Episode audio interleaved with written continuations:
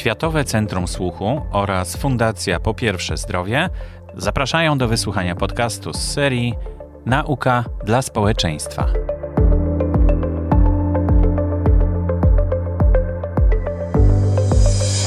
Gościem odcinka jest pani Małgorzata Buksińska. Jest absolwentką Warszawskiego Uniwersytetu Medycznego. Obecnie zajmuje się opieką nad pacjentami poradni otolaryngologicznej oraz nad pacjentami kliniki otorynolaryngochirurgii. Wykonuje operacje z zakresu otolaryngologii dziecięcej i rynochirurgii. Bierze udział w badaniach naukowych prowadzonych przez IFPS, pracuje przy projektach związanych z kapsułą badań zmysłów oraz przy projekcie System do wykrywania zaburzeń smaku i węchu oparty na badaniu wykonywanym samodzielnie w domu pacjenta. Przy mikrofonie Borys Kozielski, witam serdecznie w kolejnym odcinku mm, podcastu na temat jakości zdrowia. Do mikrofonu zaprosiłem dzisiaj panią dr Małgorzatę Buksińską. Dzień dobry. Dzień dobry, witam państwa serdecznie. Pracuje pani w Instytucie Fizjologii i Patologii Słuchu w Kajetanach. Zgadza się. Jestem lekarzem, e, pracuję głównie w klinice otorynolaryngochirurgii e, Instytutu. E, zajmuję się badaniami zarówno pacjentów, którzy zgłaszają się na takie planowe konsultacje, czy to ambulatoryjne, czy to hospitalizacje, jak również zajmuję się w Instytucie badaniami węchu oraz badaniami smaku. Mhm. No to teraz temat na topie chyba, prawda? Ale tematem dzisiejszego spotkania jest niedrożny nos, przyczyny i leczenie. E, tak, chciałabym Państwu dzisiaj e, opowiedzieć troszeczkę e, o tym, jak ważne jest dla nas, aby oddychać prawidłowym torem, czyli oddychać przez nos. Znaczy wydychać przez nos, a wydychać przez usta, tak się uczyłem. Ogólnie, chyba. mówimy o takim ogólnie o oddychaniu przez nos, tak? Czyli wdech, nabieramy powietrze nosem. Jest to bardzo ważne, dlatego że powietrze wtedy ma szansę na to, żeby zostało ogrzane prawidłowo, żeby zostało przede wszystkim przefiltrowane ze wszelkiego rodzaju zanieczyszczeń, z pyłków, które początkowo zatrzymują się na małżowinach nosowych, a następnie razem ze śluzem są po prostu usuwane e, z organizmu.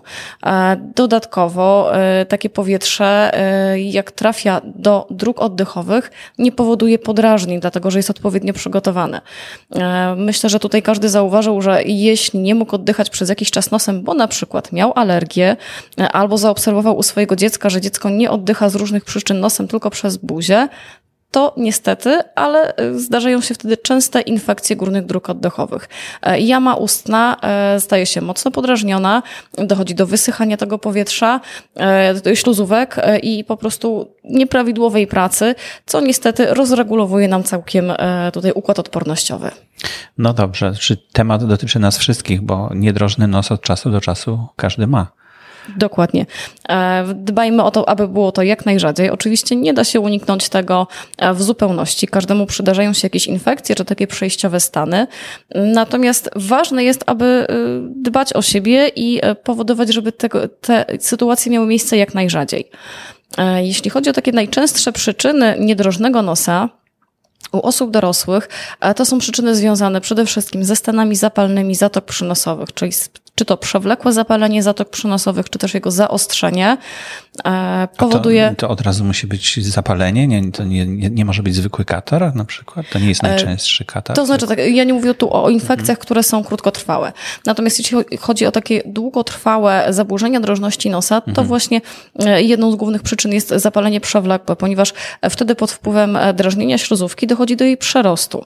Są pacjenci, u których wtedy wyrastają na przykład polipy, które w ogóle potrafią całkiem zablokować blokować nos. Mhm. To są pacjenci, którzy w ogóle nie oddychają nosem, nie są w stanie nawet e, mimo e, dużego wysiłku wziąć wdechu nosem. Natomiast e, pozostali pacjenci często mają utrudnione oddychanie przez nos. To nie jest tak, że oni nie oddychają w ogóle nosem, ale ponieważ powietrze musi pokonać pewien opór, wygodniej jest im oddychać przez usta i niektórzy zaczynają robić to wręcz nawykowo. Przewlekłe zapalenie zatok przynosowych niestety prowadzi do przerostu śluzówki i bez prawidłowego leczenia ten stan często się nasila. E, a nasila się również pod wpływem alergii. Taki alergiczny nieżyt nosa również potrafi e, sprawić, że, że ten nos staje się niedrożny. Najczęściej na wiosnę i na jesień, tak? Dokładnie. Jak pylą trawy, czy jakieś alergeny, tak? Brzoza. Mhm, dokładnie. Jeśli mhm. ktoś jest uczulony na jakiś e, e, alergen, to niestety, ale w okresie, kiedy jest go bardzo dużo w powietrzu, będzie kichać, będą łzawiły oczy, ale też będzie nasilony katar i obrzęk śluzówki, czyli taki pacjent przez nos oddychać nie będzie. Bardzo ważne jest wtedy, aby to leczenie prowadzić nie tylko e, takie typowo farmakologiczne, czyli leczyć lekami, ale również przepłukiwać ten nos po to, żeby pozbyć się tych pyłków, które osiadają na nosie i powodują nadmierną reakcję e, ze strony śluzówki. A tutaj taką kolejną przeszkodą e, w oddychaniu przez nos mogą być na przykład przyrośnięte małżowiny nosowe. To też e, obrzęk śluzówki i jej przerost może być związany właśnie z alergią czy z takim przewlekłym stanem zapalnym. Mm, małżowiny nosowe są takimi pewnego rodzaju wypustkami na bocznej ścianie nosa, e, które przede wszystkim kierują odpowiednio powietrze, tak? Ono może trafić do okolicy węchowej, dzięki temu, że są trzy, trójstopniowe, tak jakby są trzy pary małżowin u każdego z nas. E, i sprawią, że przepływ powietrza staje się taki, a nie inny, że on jest po prostu prawidłowy, że to powietrze może trafić i podrażnić receptory węchowe. Natomiast jeśli mamy do czynienia z zaburzeniami takimi bardziej anatomicznymi, e, to niestety już często albo od urodzenia, albo od momentu powstania e, takiej przeszkody anatomicznej pacjenci będą mieć problemy z oddychaniem przez nos. Tutaj mówimy o osobach, które mają skrzywioną przegrodę nosową, ale mówimy o takim skrzywieniu, które daje właśnie objawy kliniczne, dlatego że szacuje się, że nawet dwie trzecie e, społeczeństwa może mieć skrzywioną przegrodę. E, natomiast nas jako e, laryngologów, jako rynologów interesują głównie skrzywienia, które są istotne klinicznie, które faktycznie zaburzają drożność nosa, które sprawiają, że pacjent po pierwsze nie jest w stanie prawidłowo nabrać powietrza, a po drugie przez to często nie jest w stanie uprawiać sportów. Chciałby troszeczkę więcej biegać, dłużej, przyłożyć się bardziej do swoich treningów, ale utrudnia mu to fakt, że nie jest w stanie prawidłowo oddychać, co może na początkowym etapie treningu nie jest tak istotne, mhm. tak odczuwalne, ale z czasem jednak y, pacjent widzi, że, że mógłby więcej, a coś jest nie tak. Tutaj chodzi o, o to mhm. oddychanie przez nos. A jak zdiagnozować sobie tą przegrodę nosową? Bo to to niekoniecznie dlatego, że się biliśmy z kimś, tak, w młodości, tylko mhm.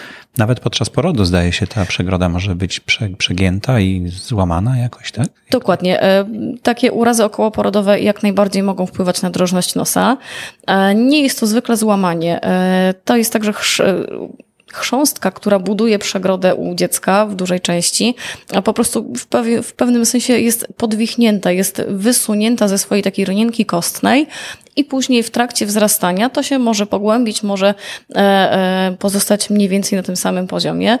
Trzeba też pamiętać, że kość oraz chrząstka nie wzrastają równomiernie. Troszeczkę ten wzrost jest różny i stąd też czasami zdarza się, że początkowo w miarę prosta chrząstka ulega delikatnemu wygięciu. To są albo takie rozwojowe, albo, albo właśnie około y, porodowe y, skrzywienia przegrody nosowej, ale oczywiście mogą się pojawić pod wpływem różnego rodzaju urazów. Czy to urazów komunikacyjnych, czy to różnego rodzaju bujek, sztuki walki, czy, czy po prostu zwykłe upadki potrafią e, niestety sprawić, że ta drożność nosa ulega zaburzeniu. Mhm. A jak to zdiagnozować? To znaczy mówię, no wiadomo, że jeśli ktoś nas uderzy w nos, no to, mhm. no to wiadomo, że, że to może być przyczyną, ale normalnie możemy wzrastać z tym i nie wiedzieć w ogóle, że mamy taką, możemy. Możemy o tym mhm. nie wiedzieć, nie zdawać sobie sprawy, jeśli to towarzyszy nam od zawsze. E, pacjenci ze skrzywieniem przegrody nosowej często mówią, że jedna dziurka jest bardziej drożna, a druga mniej, czyli oni oddychają tak jakby połową nosa, E, i zawsze sobie porównują te dwie dziurki. Zawsze ta jedna wypada gorzej. Czyli przy takim szybkim wdechu przez nos jedna się zapycha po prostu, zamyka, tak? A nawet niekoniecznie przy szybkim, po prostu pacjenci czasami czują, mhm. jak z różnego powodu zatykają raz jedną, raz drugą dziurkę, to są na przykład w stanie oddychać tylko przez lewą, a jak sobie zatkają tą lepszą, bardziej drożną lewą dziurkę, to prawą nie są w stanie za bardzo nabrać powietrza. Czują taką wyraźną blokadę, czy też wyraźny opór. E, to jest taka diagnoza, którą stawiają sobie czasami pacjenci sami.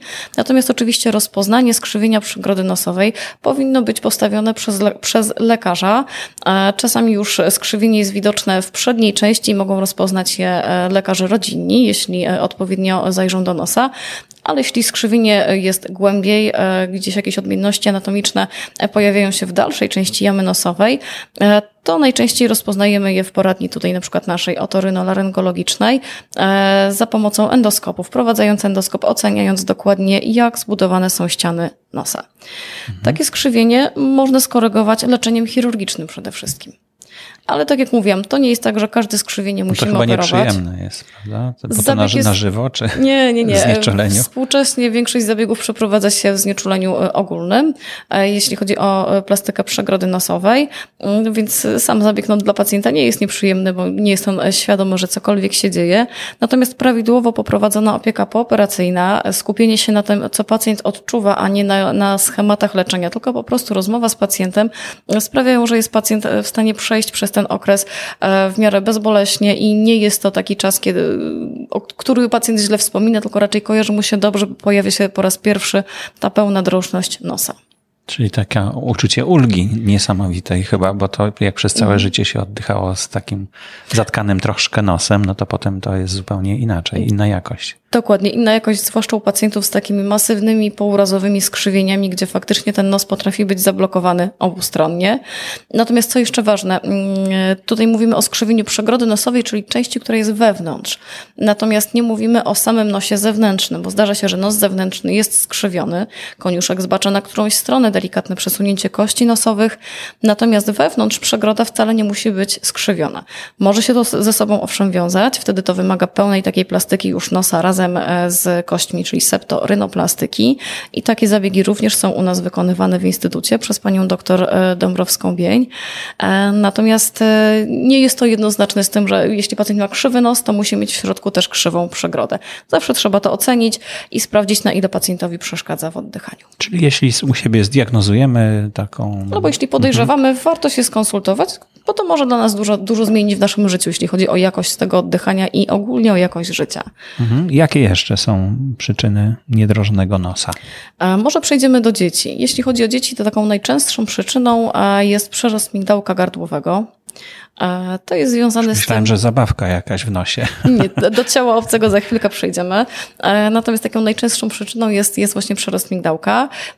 Wiąże się to z tym, że dziecko często, jak na przykład idzie do żłobka czy do przedszkola, zaczyna spotykać się z innymi dziećmi, to układ odpornościowy zaczyna troszeczkę bardziej reagować na te wszystkie bodźce, które są wokół, czyli to jest nowe środowisko, troszeczkę inne e, typy bakterii, z którymi dziecko się spotyka.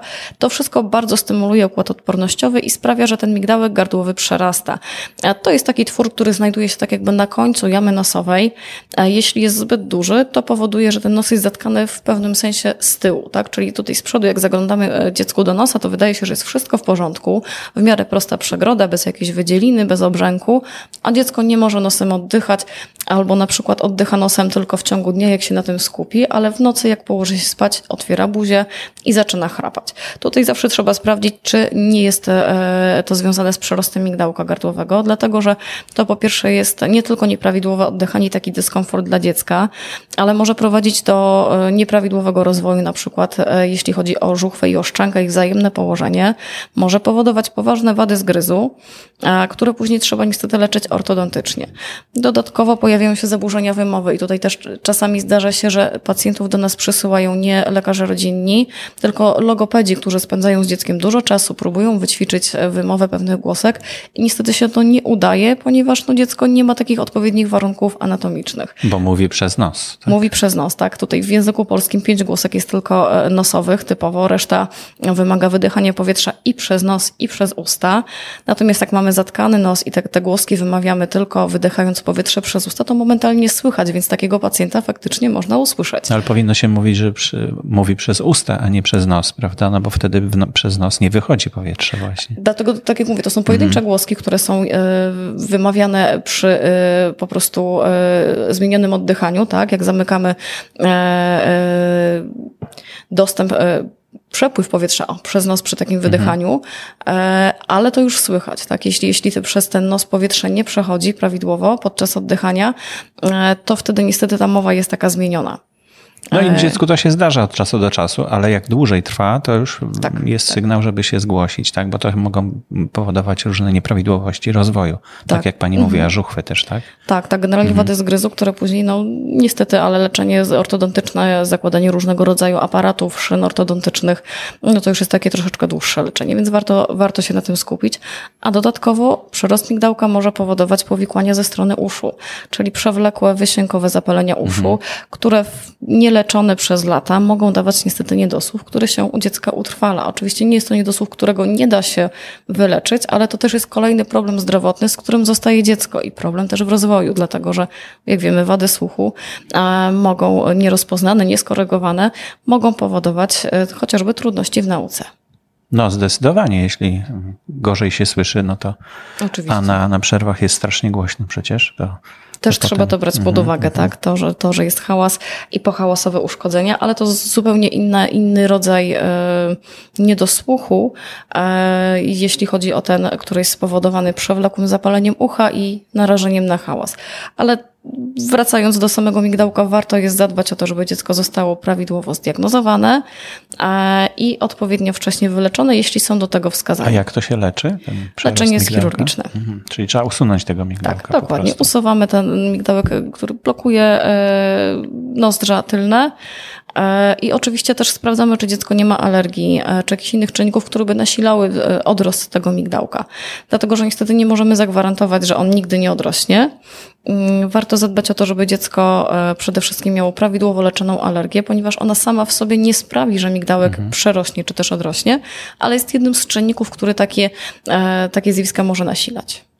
Mhm. Czy jeszcze są jakieś przyczyny? No, jeśli chodzi o dzieci, to to, o czym Pan mówił, tak? Czyli ciała obce w nosie. Mhm. No Tutaj za, zabawki, klocki różnego rodzaju.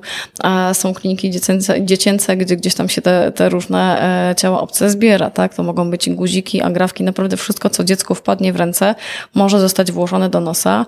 E, I jeśli wiemy, że coś takiego zaistniało, to po prostu trzeba takie ciało, ob, ciało obce usunąć.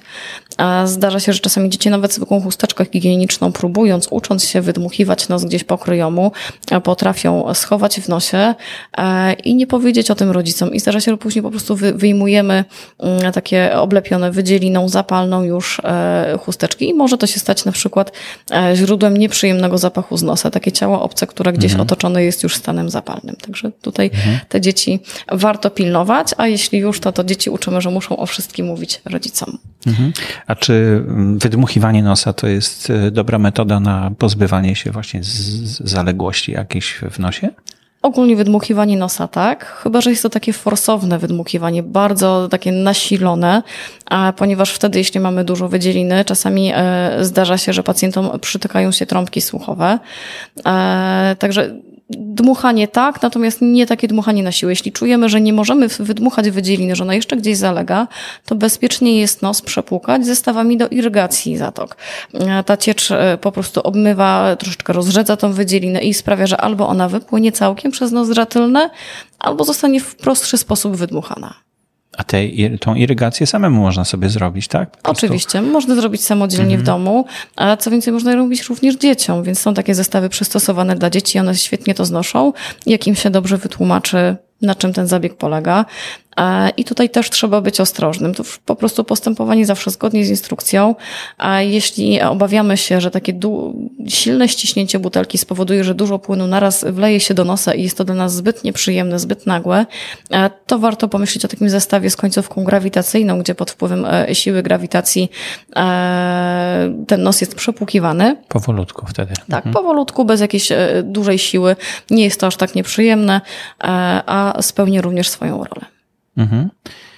I jak jeszcze możemy leczyć różne no, chirurgicznie, tak? Mówiła Pani? Tak, jeśli chodzi o chirurgię, tutaj głównie skupiamy się na przegrodzie nosowej, na migdałkach e, gardłowych, które przyrosły i na chirurgicznym leczeniu przewlekłego zapalenia zatok przynosowych. Jak się okazuje, to jest jedna z częstszych chorób w społeczeństwie, chorób przewlekłych i bardzo ważne jest e, prawidłowe leczenie farmakologiczne. Po to, że my pacjenta zoperujemy, to jest jedno. Natomiast niestety, ale pacjent, który nie będzie dbał o siebie, nie będzie się leczył, jest narażony na nawrót zmian a każda reoperacja jest po pierwsze trudniejsza od poprzedniej, po drugie niesie ze sobą większe ryzyko powikłań. Poza tym my też no, nie dążymy do tego, żeby pacjenta operować co parę lat, a do tego, żeby zoperować go raz, jeśli tego wymaga, a następnie prawidłowe mhm. leczenie poprowadzone spowoduje, że ten pacjent nie będzie wymagał później już hospitalizacji, tylko po prostu takiego zmian trwałych takich w swoim trybie życia, tak? Czyli przede wszystkim leczenie donosowe i to płukanie nosa jest bardzo ważne. E, odpłukuje się wtedy wydzielinę, e, zatoki się nie blokują, więc stan zapalny się nie nasila. E, dodatkowo jest grupa pacjentów, którzy są uczuleni na salicylanej. To nie jest takie proste uczulenie, które wymaga jedynie odstawienia zwykłej, popularnej aspiryny. Niestety salicylany e, są spotykane w pożywieniu, w różnego rodzaju pokarmach i taki pacjent wymaga przede wszystkim diety aspirynowej nawet najlepsze leczenie farmakologiczne nie pomoże, jeśli pacjent będzie te salicylany cały czas przyjmował z pożywieniem. Jest to oczywiście trudne, bo nie da się wykluczyć zupełnie wszystkich pokarmów z tej diety i dalej e, e, spokojnie sobie funkcjonować. Tak? To jest ogromny stres dla pacjenta, jeśli musi na stałe wyłączyć swoje ulubione potrawy. Natomiast na szczęście jest tak, że te, te salicylany znajdują się w różnej ilości w produktach, więc można sobie produkty podzielić na te, których w ogóle nie wolno spożywać, na te, które spożywać trzeba e, bardzo rzadko, można troszeczkę częściej i te, które są zupełnie, zupełnie bezpieczne. Natomiast tutaj edukacja pacjenta oczywiście ma znaczenie podstawowe. Mhm. Mówiła Pani jeszcze, że niedrożny nos y, może powodować kłopoty ze słuchem. Tak. Zatkanie trąbki, tak? Mhm. Myślę, że doświadczamy tego wszyscy, jak mamy katar. Jest mhm. takie wrażenie, uczucie, że słabiej słyszymy. E, wiąże to się z tym, że e, zaburzona zostaje wentylacja ucha środkowego, która normalnie zachodzi przez trąbkę słuchową. Te trąbki mają swoje ujście w nosogardle. E, jeśli dochodzi do obrzęku, do nagromadzenia wydzieliny w nosie, to te trąbki słuchowe ulegają zatkaniu. Stan zapalny może również przenieść się na ucho. To dotyczy, dotyczy głównie małych dzieci, niemowląt, które mają zupełnie inaczej ułożoną trąbkę słuchową niż dorosły, troszeczkę pod innym kątem. Ale u wszystkich e, e, może dojść do takiego tymczasowego zablokowania tej trąbki w wyniku obrzęku. E, tak samo dzieje się u pacjentów z alergiami. Jeśli obrzęk zatyka te trąbki słuchowe, oni też mają wrażenie, że w tym okresie nasilenia dolegliwości słuch jest troszeczkę przytępiony. To nie jest duży niedosłuch zwykle, ale już powodujący pewien dyskomfort. Pojawia się też takie uczucie zatkanego ucha. Mhm. A leczenie farmakologiczne mm, na czym polega? Możemy coś kupić sobie w aptece bez recepty na, na katar, czy na. Zależy wszystko od tego, jaka mhm. jest przyczyna kataru. A, jeśli alergia, to. Mhm, jeśli alergia, to mhm. tak, to przede wszystkim dobrze jest w ogóle dowiedzieć się, na co jesteśmy uczuleni. To czasami nie jest proste, bo jeśli to jest rzadki e, alergen, to on nie będzie wchodził w skład takich podstawowych paneli e, stosowanych w poradni alergologicznej. E, natomiast jeśli nie da się tego ustalić, to chociaż pamiętajmy, że w tym okresie nasilenia warto brać leki przeciwhistaminowe. Jeśli jest taka potrzeba, to leki nowszej generacji, takie przeciwalergiczne. E, można stosować również steryd donosowy w tym okresie nasilenia największego, który będzie działał też przeciwalergicznie, przeciwzapalnie, zmniejszy obrzęk śluzówki i dodatkowo, tak jak już mówiliśmy wcześniej, przepłukiwać nos, bo wtedy te alergeny nie będą drażnić śluzówki, tylko my je odpłuczemy e, i też na pewno to przyniesie pewną ulgę pacjentom. Czyli tutaj jeśli chodzi o alergię, to takie leczenie. Jeśli chodzi o leczenie zatok, przede wszystkim sterydy donosowe stosowane przewlekle, ale warto również zadbać o prawidłowe nawilżenie błony śluzowej nosa. E, zarówno i przewlekła sterydoterapia, jak i e, ogólnie stosowanie innych różnych leków, czy też zmiany hormonalne, które zachodzą w organizmie, mogą powodować przesuszenie błony śluzowej nosa. Mm, pacjent z takim suchym, strupiejącym nosem też ma wrażenie, że nie może oddychać. Mimo tego, że anatomicznie nie ma przeszkód, my zaglądamy do nosa i widzimy, że nos jest drożny, właściwie jest nawet nadmiernie drożny, a pacjent mówi, że się dusi. To się wiąże z tym, że częściowo, że nie czuje przepływu powietrza, więc to tak mhm. podświadomie odbiera tak, jakby tego przepływu nie było. E, są pacjenci, e, u których mówimy o tak zwanym zespole pustego nosa. E, to są pacjenci często po zabiegach obkurczania małżowin nosowych. Jeśli te małżowiny zostaną nadmiernie obkurczone, a pacjent jeszcze dodatkowo stosuje krople obkurczające śluzówkę i robi to przewlekle, to może dojść do tego, że po prostu w nosie zrobi się bardzo dużo miejsca, bo te małżowiny będą niewielkie, to będą takie kikuty małżowin pokryte dodatkowo strupami. No i tacy pacjenci cierpią na poważne dolegliwości. Tutaj yy, niestety, ale czasami yy, konieczne jest e, wkroczenie już psychiatry, dlatego że pacjenci ci potrafią yy, cierpieć na depresję spowodowaną tym brakiem drożności nosa. Dodatkowo różnego rodzaju stany lękowe, boją się wyjść z domu, bo nie wiedzą, czy przypadkiem się nie uduszą na dworze. Także jest to poważny problem. E, dlatego też ja zawsze zalecam unikanie takich kropli obkurczających. Te krople, które obkurczają śluzówkę, one są dostępne bez recepty. One są bardzo dobrym lekiem na krótkotrwałe przeziębienia. Do, do zastosowania przez 2-3 dni, aby troszeczkę faktycznie tą śluzówkę obkurczyć i zmniejszyć e, ilość e, wydzieliny. Natomiast dłuższe stosowanie niestety jest niewskazane, bo bardzo śluzówkę niszczy. Potrafi dojść również do uszkodzenia chrząstki przegrody, do perforacji. I przede wszystkim trzeba pamiętać o tym, że pacjenci po prostu się uzależniają od tych leków. Także te leki tylko do takiego krótkiego stosowania. Doraźnie. Mhm. A niech Pani jeszcze powie nam, e, jak się mają, ma noszenie maseczek do drożności nosa, oddychania. W ogóle, czy to wpływa, czy to jest neutralne dla nosa, czy, czy raczej właśnie gromadzi bakterie i powoduje częstsze infekcje? E, oczywiście tutaj trzeba pamiętać o tym, że takie maseczki należy wymieniać. Jeśli maseczka jest odpowiednio często wymieniana, nie ulega zabrudzeniu, e, to tak naprawdę nie jest zagrożeniem.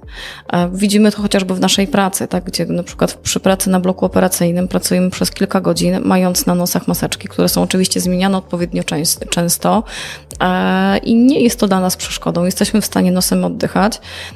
Taki dyskomfort jedyny to jeśli ktoś nosi okulary i nieprawidłowo sobie ułoży tą maseczkę, no to one, te okulary będą parować, ale to jest jedynie taki dyskomfort, który łatwo zlikwidować, odpowiednio dociskając maseczkę, bo prawidłowo założona maseczka e, szczelnie zakrywa tutaj mhm. z góry i, i z boków e, nos i usta, a także nie ma to wpływu na pewno na drożność nosa e, i pacjenci z niedrożnym nosem, jeśli na co dzień funkcjonują normalnie, oni w maseczce też, jeśli to jest maseczka, która e, jest dostosowana, ma odpowiednie certyfikaty, bądź nie jest uszyta z materiału, który po prostu sam z siebie nie przepuszcza powietrza, nie powinna im na co dzień przeszkadzać. Mhm. Pani doktor Małgorzata Buksińska, dziękuję bardzo. Dziękuję Państwu.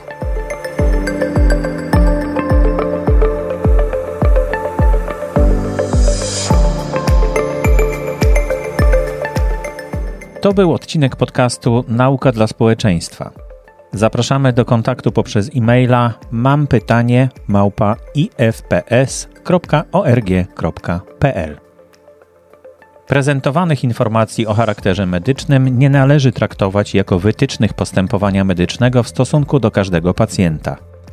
O postępowaniu medycznym, w tym o zakresie i częstotliwości badań diagnostycznych i lub procedur terapeutycznych decyduje lekarz indywidualnie zgodnie ze wskazaniami medycznymi, które ustala po zapoznaniu się ze stanem pacjenta. Lekarz podejmuje decyzję w porozumieniu z pacjentem. W przypadku chęci realizacji badań nieobjętych wskazaniami lekarskimi, pacjent ma możliwość ich odpłatnego wykonania.